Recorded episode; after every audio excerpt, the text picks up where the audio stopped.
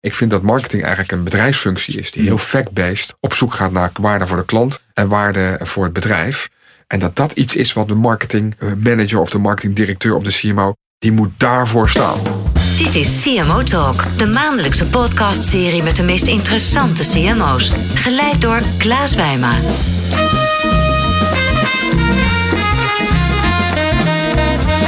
Hoi luisteraar, leuk dat je luistert naar CMO Talk. Ik ben Klaas van Energize, het creatieve bureau dat merken helpt bij het verdienen van aandacht. We krijgen regelmatig tips van enthousiaste luisteraars. Zo kwam ook het verzoek onlangs tot ons om CMO Talk op Spotify beschikbaar te stellen. En het goede nieuws is, dat is gelukt. Heb jij zelf een leuke tip of suggestie voor CMO Talk? Laat het mij weten, dat kan op klaas.energize.nl. Vandaag spreken we met de meester van purpose marketing. Hij was namelijk eerder de marketingbaas van Essent, Robeco en Fortis. En hij gelooft dat marketing ingezet moet worden om maatschappelijk impact te maken. Sinds een jaar werkt hij als CMO bij de Rabobank en wil de unieke positie van de Community Bank heractiveren. We hebben het natuurlijk over Dorcas Koenen. Welkom in de studio, Dorcas. Dankjewel, Klaas. Wat leuk dat je er bent. Ja, met veel plezier. CMO Talk wordt aangeboden door Adobe en Accenture Interactive en is ontwikkeld door Energize en voicebooking.com. In deze podcast gaan we het hebben over het meest besproken buzzword van 2018. En dat is purpose marketing. Ja, dat geloof ik wel. Ik ben benieuwd eh, waar het naartoe gaat, eh, Klaas. De purpose marketing is, eh, ik denk marketing heeft in de loop der tijd altijd buzzwords. En purpose marketing is natuurlijk op dit moment een van de grote topics in ons vak. En misschien is het leuk om de komende podcast daar eens een mooie verkenning omheen te doen. En eens te kijken wat de relevantie is van purpose marketing.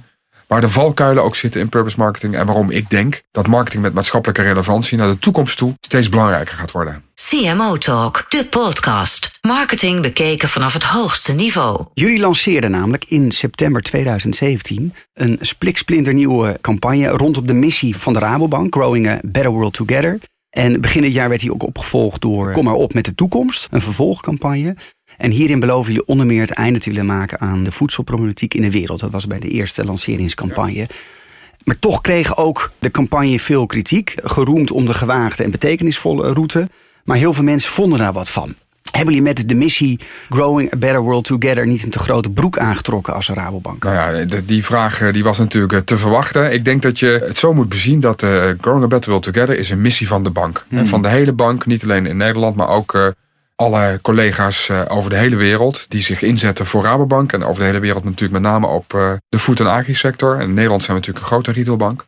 En Growing a Better World Together is eigenlijk echt het geloof van heel veel mensen binnen Rabobank eh, dat dat de bijdrage is die wij willen leveren aan de wereld. Dus wij willen zorgen dat de wereld er beter van wordt en dat we dat samen doen vanuit de coöperatieve gedachte. En als je wil dat de dingen in beweging komen, dan moet je zelf ook een stevig doel stellen. Hè? Mm. Dus Rabobank wil die maatschappelijke relevantie langs een aantal thema's laten zien. Het eerste thema is het voedselthema. Het tweede thema gaat over zelfredzaamheid.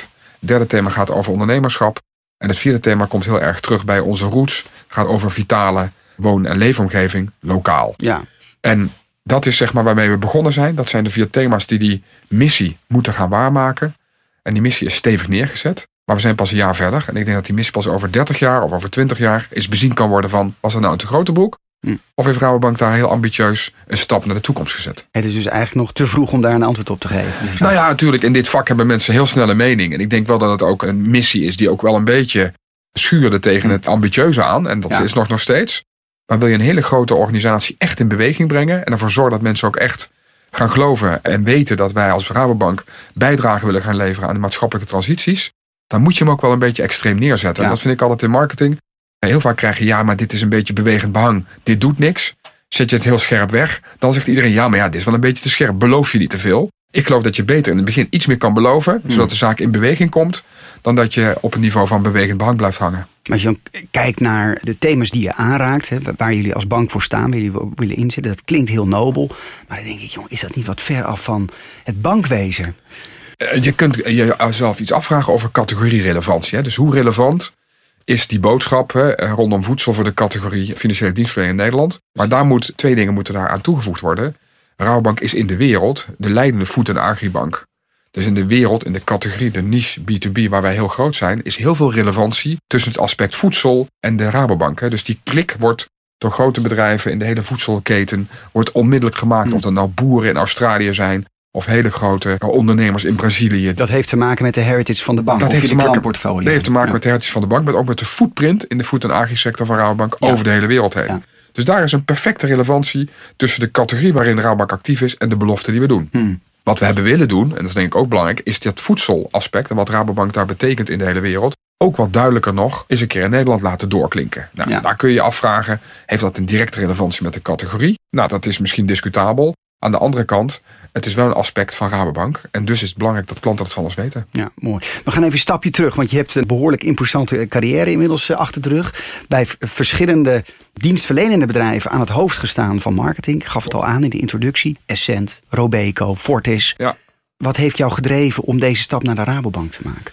Nou ja, wat je al zei, ik heb een jaar of eh, tien daarvoor eigenlijk marketingafdelingen aangestuurd. En eigenlijk altijd op zoek gegaan naar, ik noem maar even, optimalisering van de PNL. Hè, dus Mhm. ervoor zorgen dat de rentabiliteit en de winstgevendheid eh, opgevoerd eh, gaat worden. Dat vind ik ook een rol van marketing. hè. Ik vind marketing een bedrijfsfunctie die ook mee moet sturen om de winstgevendheid van een bedrijf te vergroten. Door klantwaarde en waarde voor de klant heel mooi aan elkaar te koppelen. En ik had zelf heel sterk de behoefte om niet alleen marketing te doen, maar ook te kijken of ik marketing ook nog kon inzetten voor het creëren van maatschappelijke impact. Zorgen dat de mensen, er- de mensen, de wereld, Nederland, misschien een paar, al zijn maar een paar mensen, er ook echt beter van worden.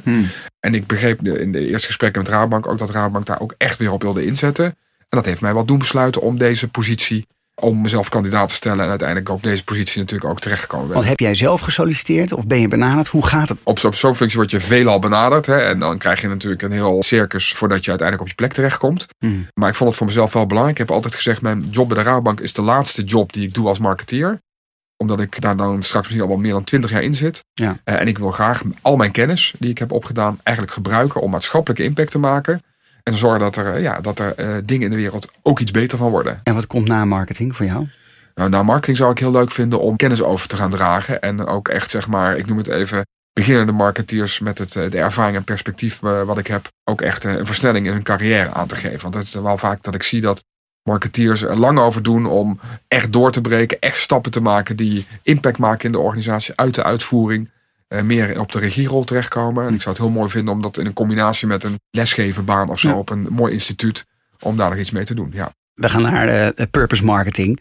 Want diverse onderzoeken zoals het State of Branding Report 2018 van eh, OnBrand wijst uit dat mensen verwachten van merken dat zij hun verantwoordelijkheid nemen en ja, een positief verschil maken in de wereld. Is dat ook waar volgens jou purpose marketing over moet Ja, gaan? ik, ik zeg altijd dat is het verschil tussen klantbehoefte en klantbelang. Mhm. Een marketeer is eigenlijk gewend om te zoeken naar klantbehoeftes. Ik wil een rode knop of ik wil een rode auto of ik wil hè, dus een klantbehoefte. Purpose marketing draait veel meer om het zoeken van klantbelang. Wat is nou uiteindelijk het echte belang van de klant? Mhm. Waar wordt de klant of de omgeving van de klant eigenlijk beter van? Dat is niet altijd direct zijn behoefte. Dat is denk ik Ja. iets wat eh, soms ook zelfs eh, zorgt voor wrijving. Ik noem even het thema zelfredzaamheid, wat we als Rabobank hebben opgepakt. Dat is de campagne die draait rondom Kom maar op met de toekomst. Precies. Past perfect bij de missie Growing Better World Together. En dat gaat over het feit dat vermogensopbouw voor Nederlandse particuliere huishoudens naar de toekomst toe veel belangrijker wordt, steeds belangrijker wordt. Is dat nu een behoefte van de klant? Nee, of maar gedeeltelijk. Maar het belang van de klant is heel groot. Want Ja. gelet op alle maatschappelijke transities moet die klant veel meer voor zichzelf gaan zorgen, financieel, dan ooit tevoren. Waar voorheen de overheid dat voor hem deed, de verzorgingsstaat of de welvaartsstaat, moet hij nu steeds meer zelf doen. Als het gaat om pensioen, studie van de kinderen, de hele eh, fiscaliteit rondom woningen en de aftrekbaarheid van de hypotheek. Nou, en daar zie je eigenlijk wat mij betreft de kern van purpose marketing. Mhm. Dat gaat niet om de klantbehoefte alleen, maar gaat ook over het klantbelang. En dan moet je als marketeer dus verder kunnen kijken dan alleen maar korte termijn impulsen. Maar moet je ook een visie hebben op de maatschappij Ja. en de rol van de klant en de rol van je eigen organisatie om het belang van die klant voorop te stellen. Hoe zou je purpose marketing in een zin omschrijven? Purpose marketing is de discipline die ervoor zorgt dat een klantbelang wordt gekoppeld aan klantbehoeften Mhm. op zo'n manier dat het altijd maatschappelijke relevantie heeft. Met andere woorden, dat de maatschappij er ook beter van wordt. En wat is volgens jou het schoolvoorbeeld wat je de afgelopen jaar hebt gezien van een organisatie die dat fantastisch doet? Dan mag je niet de Rabobank noemen. hè? Nou ja, ik denk wel dat we mooie stappen, eh, Toch, eh, mooie Toch. stappen eh, daar zetten. Omdat die mark- marketing met, schap- met maatschappelijke relevantie, dat dat ook wel de kern is van de marketingstrategie zoals we die uitvoeren. En we noemen dat eigenlijk ook een klantfilosofie. Dus Ja. dat gaat ook iets verder. Maar je mag straks Rabobank vertellen. Maar heb je een ander voorbeeld? Nou ja, Ik denk eigenlijk een traditioneel voorbeeld is in de ijshoek. Ja. Heb, natuurlijk, heb je Ben Jerry's. Jerry's, ja. En dat vind ik eigenlijk toch wel nog steeds een icoon van purpose marketing. Ook omdat ze het in een organisatie volhouden die natuurlijk ook heel erg gedreven wordt door uh, winstgevendheid en beurskoersen en dat soort dingen. En dan toch rondom deze ijspropositie die maatschappelijke relevantie op zo'n, die purpose op zo'n manier neerzetten. En blijven houden, dus ook niet aan, daaraan schuiven, vind ik eigenlijk heel knap. En vandaar dat dat voor mij een icoon is. En waar raakt hij jou dan persoonlijk? Waar purpose marketing mij altijd raakt, is dat je eigenlijk niet verwacht dat vanuit die categorie ijs een maatschappelijk aspect wordt aangeraakt. Mm En als die verbinding een beetje verrassend is, dan raakt dat mij. Ja. En het leuke, het belangrijke voor purpose marketing is altijd dat die verbinding tussen die maatschappelijke relevantie en die categorie, die moet een beetje verrassend zijn. Want als die verrassend is, dan schuurt die ook een beetje. Ja. En verrassend kan door een aantal dingen komen. Het kan zijn dat je de link niet verwacht. Maar het kan ook zijn dat je een aspect vastpakt. Waarvan iedereen denkt van, oh jezus. Dat is eigenlijk iets waarmee je bijna een cliché bevestigt. Om even Hmm. terug te gaan naar Rabobank. Het feit dat wij het gaan hebben over het feit dat individuele vermogensopbouw voor particuliere huishoudens in Nederland belangrijk is. Kan je natuurlijk ook zeggen, ja, maar dat is meteen preken voor eigen parochie. Dus als je dat durft, hè, dus als je of verrassen of je legt juist de verbinding die iedereen heel obvious vindt en waar meteen iedereen wat van vindt, maar je gaat daar overheen, Ja. ja, dan leg je qua purpose marketing echt een mooie, een mooie stap. Dan maak je echt een beweging. In CMO Talk leggen we altijd eh, de gasten een aantal stellingen voor. Ja. En hier komt voor jou de, de eerste. Purpose marketing is oude wijn in nieuwe zakken. Nou, ik, nee, purpose marketing is geen oude wijn in nieuwe zakken. Purpose marketing is de beweging eh, die eh, een maatschappelijke relevantie en een maatschappelijk doel koppelt aan hoe een bedrijf, een propositie, een product in de markt gezet wordt. En dat is misschien ook niet zo nieuw als je aan het begin van deze CMO Talk zegt. Maar het is zeker geen oude wijn in nieuwe zakken. Nee, want eh, volgens mij wordt het ook vaak verward met de why van Simon Sinek. Ja. En ja, gewoon helemaal terug naar de collegebanken. Ja. De missie van een organisatie of Exact, merk. Ja. Wat zijn de grote verschillen voor Ja, jou? kijk, ik, de missie is heel erg wat een organisatie zelf wil. Eh why, how, what. Simon Sinek is eigenlijk een heel mooi rijtje om een klantlogica te bouwen. En ook eh, aan iedereen heel makkelijk aan te geven waarom je iets doet en waartoe je op aarde bent. Purpose marketing is echt het creëren van maatschappelijke relevantie. Je kan ook nog steeds iets vertellen over waartoe je op aarde bent, wat geen enkele maatschappelijke relevantie heeft. Hè? Dus why, how, what wordt voor mij heel vaak op de verkeerde manier gebruikt. Daarmee creëer je nog geen maatschappelijke relevantie. Je creëert pas maatschappelijke relevantie als je een doel oppakt. En dat doel als punt op de horizon zet. En waarna je je marketinginspanningen eigenlijk gaat richten. Komt opeens bij mij binnen. ehm, ben je bekend met Ikigai? Het Japanse concept van eh, ja, waardecreatie. Dus Ja. Ikigai kijkt dus waar ben je goed in? Ja. Eh, dus waar ligt je kracht? Ja. Eh, waar kan je geld mee verdienen? Maar hoe kan je ook de wereld, wereld helpen met jouw verhaal? En waar ligt je passie? Ja, nou, de, dat- Dus die de- elementen. De Ikigai zou wat mij betreft veel dichter tegen purpose marketing aan zitten. dan de why, how, what van Simon. Sinek. Dat geeft richting en relevantie voor een organisatie. Maar het hoeft nog steeds geen met een maatschappelijk doel te zijn. Dat gebeurt natuurlijk wel steeds meer. Hmm. En daar zit wat mij betreft ook een van de grote kritische elementen. En maar marketing met maatschappelijke relevantie kan je alleen maar doen als je of een hele sterke verbinding legt tussen je propositie en het maatschappelijke doel. Dat is één. Ja. Twee, je vanuit een merk werkt wat authentiek geloofd wordt door het publiek dat je iets met een maatschappelijk doel überhaupt kan hebben. Want iedereen wil het nu hebben. Kan het niet zo eenvoudig hebben. En het derde aspect is dat je niet even maatschappelijk relevant kan zijn. Maar dat je maatschappelijke relevantie eigenlijk pas opbouwt over jaren heen. Ja. Even terug naar de Rabobank, want nou mag je het Cas. Oh, ja, shit, ja. Als je kijkt naar de andere banken, dus de andere grootbanken, eh, ING en ABN AMRO. Waarom is Rabobank bij uitstek gepositioneerd om op deze route, namelijk het voedselprobleem en echt het najagen van die purpose die jullie hebben, ja, dat op een effectieve manier te doen of een hele andere manier te doen dan jullie concurrentie?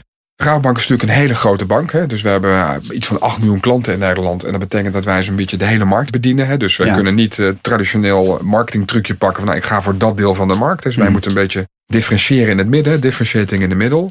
Rabobank is ook een bank die natuurlijk in zijn, vanuit zijn origine en zijn ontstaansgeschiedenis een uniek karakter met zich meegekregen heeft. Hè? Van vroeger duizend lokale banken naar eh, de Rabobank zoals we die nu zijn. Hè? In de afgelopen 125, ruim 100 jaar.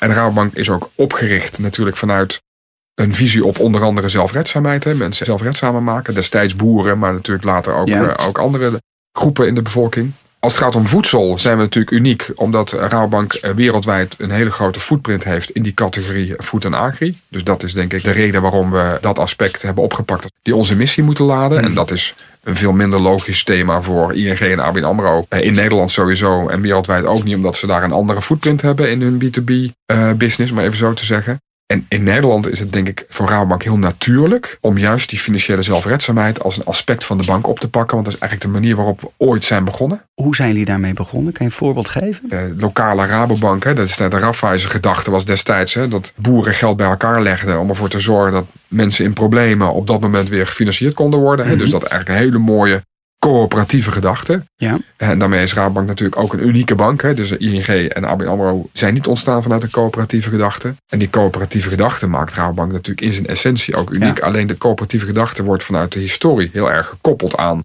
lokaal en bankkantoor om de Ja. hoek. Ja. En die coöperatieve gedachte moet naar de toekomst toe een nieuwe betekenis krijgen. En die betekenis met name om ervoor te zorgen dat wij dingen doen. Niet alleen zorgen dat we financiële dienstverlening doen, maar de manier waarop we dingen doen en hoe we dingen doen, dat daar ook een maatschappelijke afdronk van achterblijft. Ja. De bewijsvoering. Je raakt het net al aan in het begin van je antwoord over purpose marketing. Hoe Rabobank dat, dat inzet. En we zijn nu bijna twee jaar verder met de nieuwe koers eh, van de bank. Althans, de missie was er al, maar in ieder geval het naar buiten brengen van die missie. Hoe zijn de resultaten tot nu toe? Ik denk dat het leuk om een paar eh, cijfers ook te noemen dan. Hè, in het kader van fact-based marketing, heel concreet. Ja. Pak even dat thema zelfredzaamheid op. Wat we hebben vertaald in de klantfilosofie financieel gezond leven. En daar hadden we onszelf een ambitie gesteld intern. Dat wij binnen vijf jaar meer dan een miljoen particuliere Nederlandse huishoudens willen helpen om een eerste stap te zetten op weg naar een financieel gezond leven. Met ons of samen met een andere bank. Hè, want dat wilden wij ook wel in de breedte neerzetten. Hè. We wilden dit niet doen voor ons. Maar ook eh, als klanten bij een andere, of mensen bij een andere bankklant zijn, also fine. Maar dan gaan we in ieder geval mee aan de slag. Ja, dat zie je in die laatste campagne voor Dat jullie. zie hè? je, dat Kom maar op ook. met je toekomst. Je kind gaat studeren. Dat Ja. kost je eigenlijk een halve ton. Dus Ja. dat moet je, daar moet je over nadenken. Daar moet je over na gaan denken. We hadden gezegd, nou, dat doen we een miljoen Nederlandse huishoudens. Dan kunnen we intern ook een beweging mee. eh, Wat mee, moesten eh, die miljoen mensen doen?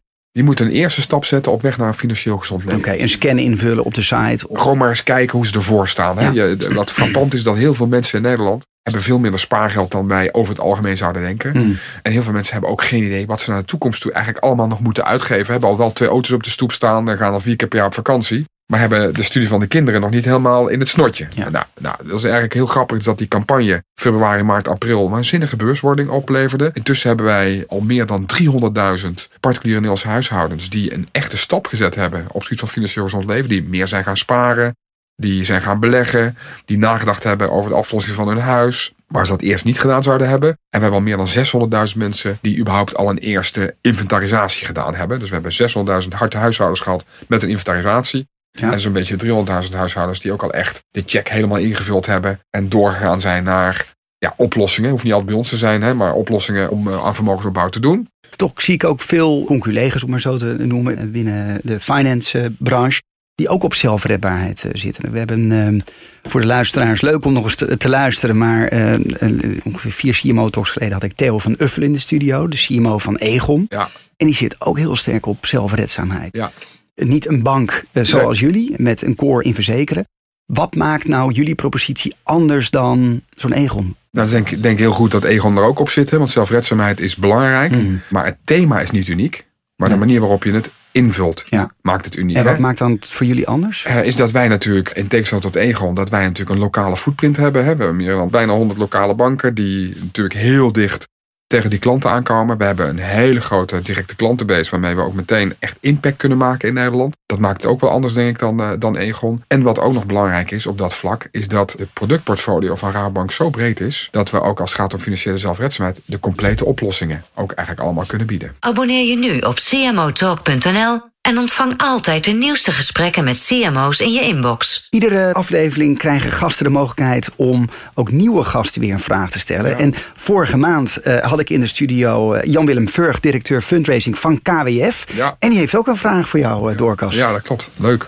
Ehm, nou ja, die campagne die heeft natuurlijk wel wat teweeggebracht. En ik kan mij voorstellen dat ze intern bij de Rabobank dat dilemma voelen. Van de ene kant hun maatschappelijke betrokkenheid laten zien. En de andere kant ervoor zorgen dat de consument die ook echt als oprecht ervaart. Mhm. Wat is hun ja, struggle om die balans daartussen op een goede manier eh, te vinden? Ja, ik denk dat daar zijn denk ik een aantal dingen die dan heel belangrijk worden. Mhm. Is je bent als marketeer nog wel eens gewend om in communicatie echt te gaan pushen. Echt je propositie er doorheen te duwen. Duwen, ja. Nou, als je eh, dat doet en je bent bezig met marketing met maatschappelijke relevantie, dan tast dat je geloofwaardigheid eigenlijk direct aan. Dat is denk ik het eerste wat je moet doen. Je moet dan ook je eigen populatie aan marketeers ook echt leren om daar op een andere manier mee om te gaan dan dat ze voorheen deden met goedkoop, gratis en twee voor de prijs van één. Dat is denk ik een, een aspect.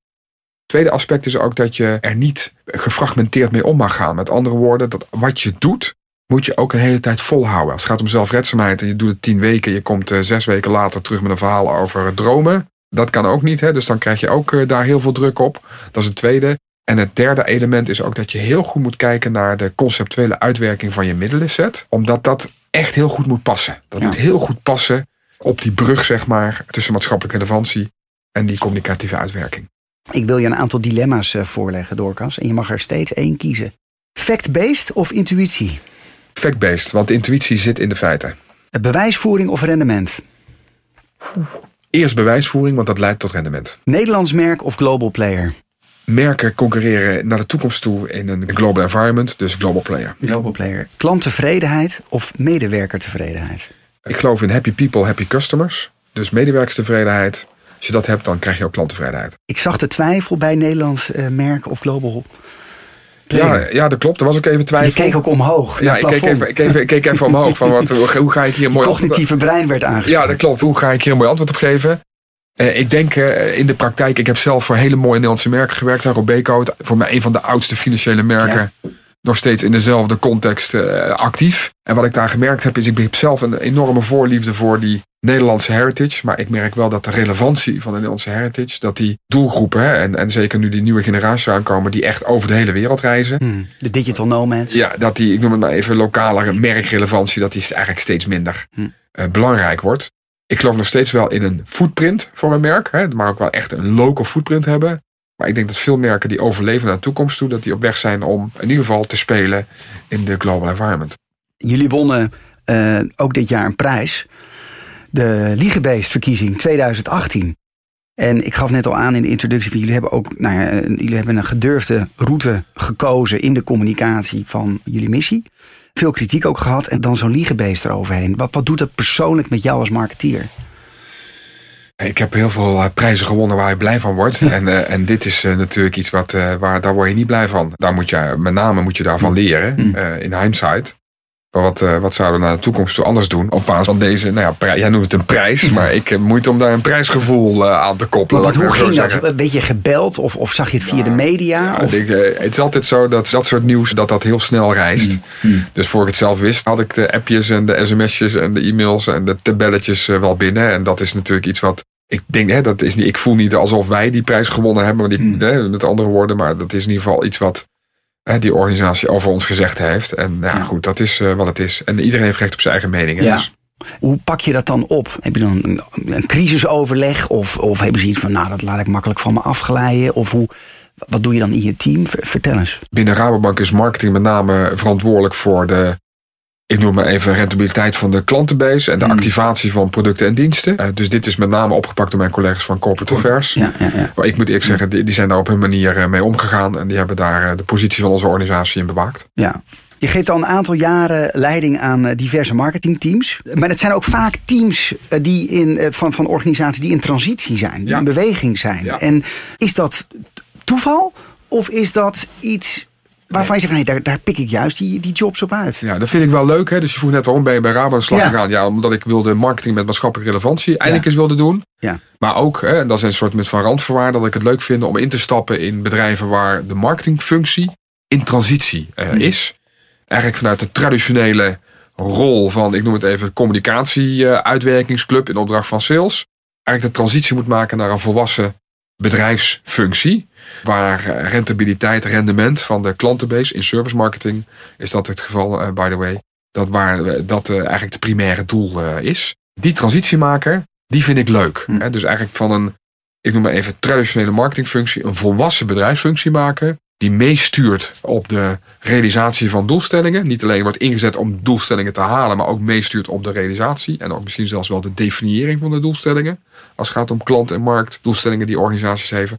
Dat vind ik heel erg mooi. Dat drijft me enorm, Hm. omdat ik vind dat marketing het verdient om een steeds meer volwassen rol in de organisatie in te nemen. En ik denk juist nu dat marketing dat moet doen, omdat het op dit moment in een steeds complexere wereld steeds moeilijker wordt om de juiste combinatie van klant, markt en business inzichten bij elkaar te leggen.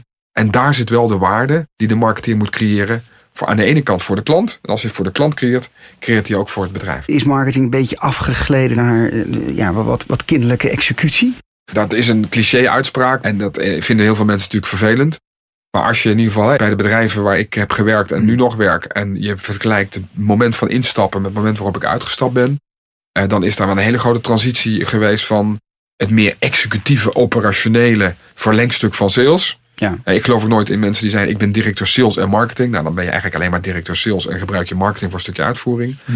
En in de transitie naar marketing als een zelfstandige bedrijfsfunctie, met een eigen rol om eh, de organisatie beter te laten opteren richting de klant. En wat is jouw stijl van leidinggeven dan in die transitie? Nou, daar zijn dan denk ik drie opvallende aspecten in zo'n transitie. Is eerst mijn stijl van leiding geven is om het perspectief te schetsen. Dus om naar aanleiding van bijvoorbeeld één, twee of drie horizons aan te geven, nou dit is waar we staan. En zo gaan we daar naartoe. De painted picture. De painted picture, maar ook al wel heel concreet. Met welke transformatieplannen, welke trajecten moeten wij aflopen om ervoor te zorgen dat we aan het einde van horizon 3 terechtkomen. Dat is één. Twee, eh, rukzichtloos inzetten op de ontwikkeling van mensen. Het valt me op dat heel veel marketeers en organisaties eigenlijk lang niet goed genoeg zijn opgeleid. Vaak de, hun eigen producten en eigen markt niet eens goed genoeg kennen. Ik denk dat er in fast movers dat dat uitzonderingen zijn, maar heel veel dienstverleners, vraag maar eens naar de rentabiliteit van producten, hebben mensen geen idee. Omdat ze heel vaak die lang die uitvoerende rol hebben ingenomen. Ze hoeven het ook niet te weten, Ja. bij wijze van spreken. Dus heel erg veel investeren in de opleiding van mensen. Ja, Aan de marketingkant, maar ook aan de businesskant. Ja. Dat ze goed begrijpen hoe business cases tikken. de numbers. Goed begrijpen, precies de nummers, hoe waarde gecreëerd wordt. Dat is het tweede. En het derde is altijd ingrijpen in de structuur van de organisatie. Omdat ik geloof dat er in een marketingafdeling heel veel focus moet zijn op de juiste product-marktcombinaties. En dat je dat ook terug moet zien in de organisatieopzet. Stel, jij mag een billboard invullen naar Schiphol. Met jouw levensspreuk erop. Ja, Wat zou je erop zetten? marketing is no magic. Marketing is no magic. Vertel. Nou, eh, wij worden natuurlijk, marketeers worden natuurlijk vaak aangesproken. Hè? Ook ik op, ik noem maar een beetje de brand magic of de advertising magic die je weet te creëren. Ja. En, en iedere marketeer heeft daar ook een bepaalde vorm van passie voor. Dat geldt ook. Ik kom zelfs uit die advertising hoek, dus daar heb ik heel veel passie voor. Ja. Maar ik vind dat marketing eigenlijk een bedrijfsfunctie is die heel fact-based op zoek gaat naar waarde voor de klant en waarde voor het bedrijf. En dat dat iets is wat de marketing eh, manager of de marketingdirecteur of de CMO, die moet daarvoor staan. Moet niet staan voor de brand magic of de advertising magic. Die moet staan voor het heel structureel, volwassen functie. Met mensen die echt heel goed zijn opgeleid. Precies weten hoe het zit met hun productportfolio. En die continu in staat zijn om met de juiste kanalen. de juiste producten en diensten te verkopen aan de klant. Waarbij niet alleen het bedrijf er beter wordt, sterker nog. Eerst de klant er beter van moet worden. En daar wordt het bedrijf er ook beter van. En nog mooier is als de maatschappij er nog beter van wordt. Als we terugblikken op jouw carrière, Doorkas. Wanneer in jouw carrière ben je, ben je echt gevallen en hoe ben je weer opgestaan? Ik ben echt gevallen toen ik net ben gestart bij Essent. Omdat je, mm, dat was eigenlijk de eerste keer dat ik, ik heb ben marketingdirecteur geweest in financiële dienstverlening daarvoor. Hè, met name ook bij Robeco. Dat was een superleuke tijd. Die investment engineers komt nog uit mijn koker. En dat loopt, loopt nog Ja, steeds. Laat zien ja. dat je positioneringen over lange termijn moet volhouden. En dan blijven ze echt hangen. En toen kwam ik bij Essent en toen kwam ik in een markt die waanzinnig competitief was. Waar klantloyaliteit echt achteruit holde. Waar heel veel geld betaald werd voor nieuwe klanten waar incumbents, en dat was Essent, werden uitgedaagd door allerlei challengers. Dus dat was in die zin, zeg maar, op dat moment, ik noem het even crisis over crisis over crisis over crisis. En daar heb ik eigenlijk geleerd dat marketing niet alleen fancy is en leuk om erbij te hebben, maar dat marketing cruciaal is om de prestatie van een bedrijf weer in de goede slinger te geven. Ja. Maar dat was voor mij wel even een wasstraat van drie tot negen maanden. Waarin ik even een snelkookcursus kreeg, marketing in een crisissituatie. Was dat uh, zweten s'nachts? Dat was, worden? nou, dat was nog wel meer. Ik denk dat ik na een maand of drie dacht van, nou, maar dit overzie ik niet helemaal meer. En, hoe ben je eruit gekomen? Heb je toen een coach ingehuurd of heb je het zelf, de kracht had je zelf gevonden? Nou, ik denk dat dat heel, toch wel eh, leuk is om, om terug te zetten, Klaas. Nee, toen ben ik toch eh, teruggevallen op eh, mijn manier om een transitie in de organisatie te doen. Dus toen ben ik toch gaan kijken met behulp van eh, destijds een paar consultants van oké, hoe zien die horizons er nu uit? Waar staan we nu? En waar moeten we met die functie naartoe? Daar de juiste mensen bij gezocht. Een opleidingstraject gestart, heel snel, destijds met TIAS nog, de Ascent Marketing Academy. En heel snel met die horizons en die extra brainpower en ook executiekracht, die zaken echt opgepakt. Dat transformatieplan gewoon eigenlijk heel rukzichtloos en heel grondig uitgewerkt. Mooi. Ik heb een laatste stelling voor je. Je kunt alleen groeien door te falen. Ja, dat denk ik zeker. In marketing absoluut. De grootste missers die uh, laten zien dat je uh, waanzinnig kan groeien. Er zijn heel veel assumpties en hypotheses geweest de afgelopen tijd die ik zelf had van nou daar zit zeker waarde in. Hmm. En als daar een data-analyst naar gekeken had, dan uh, bleek dat uh, onvoldoende waar te zijn. Daarom geloof ik ook niet zozeer in intuïtiviteit, zoals we het net over hadden. Hmm. Omdat ik geloof dat in de feiten ook de intuïtie zit. Maar binnen zo'n grote corp als Rabobank, je gaf al aan, wij zijn een hele grote bank met 8 miljoen klanten. Ja. Kan je nog wel permitteren om een keer te falen? Ik denk dat juist binnen Rabobank de laatste jaren met een voorzitterschap van, uh, van onze bestuursvoorzitter um, of uh, voorzitter van de groepsdirectie een enorme slinger is gegeven aan de hele innovatieve kracht van de bank. Hm.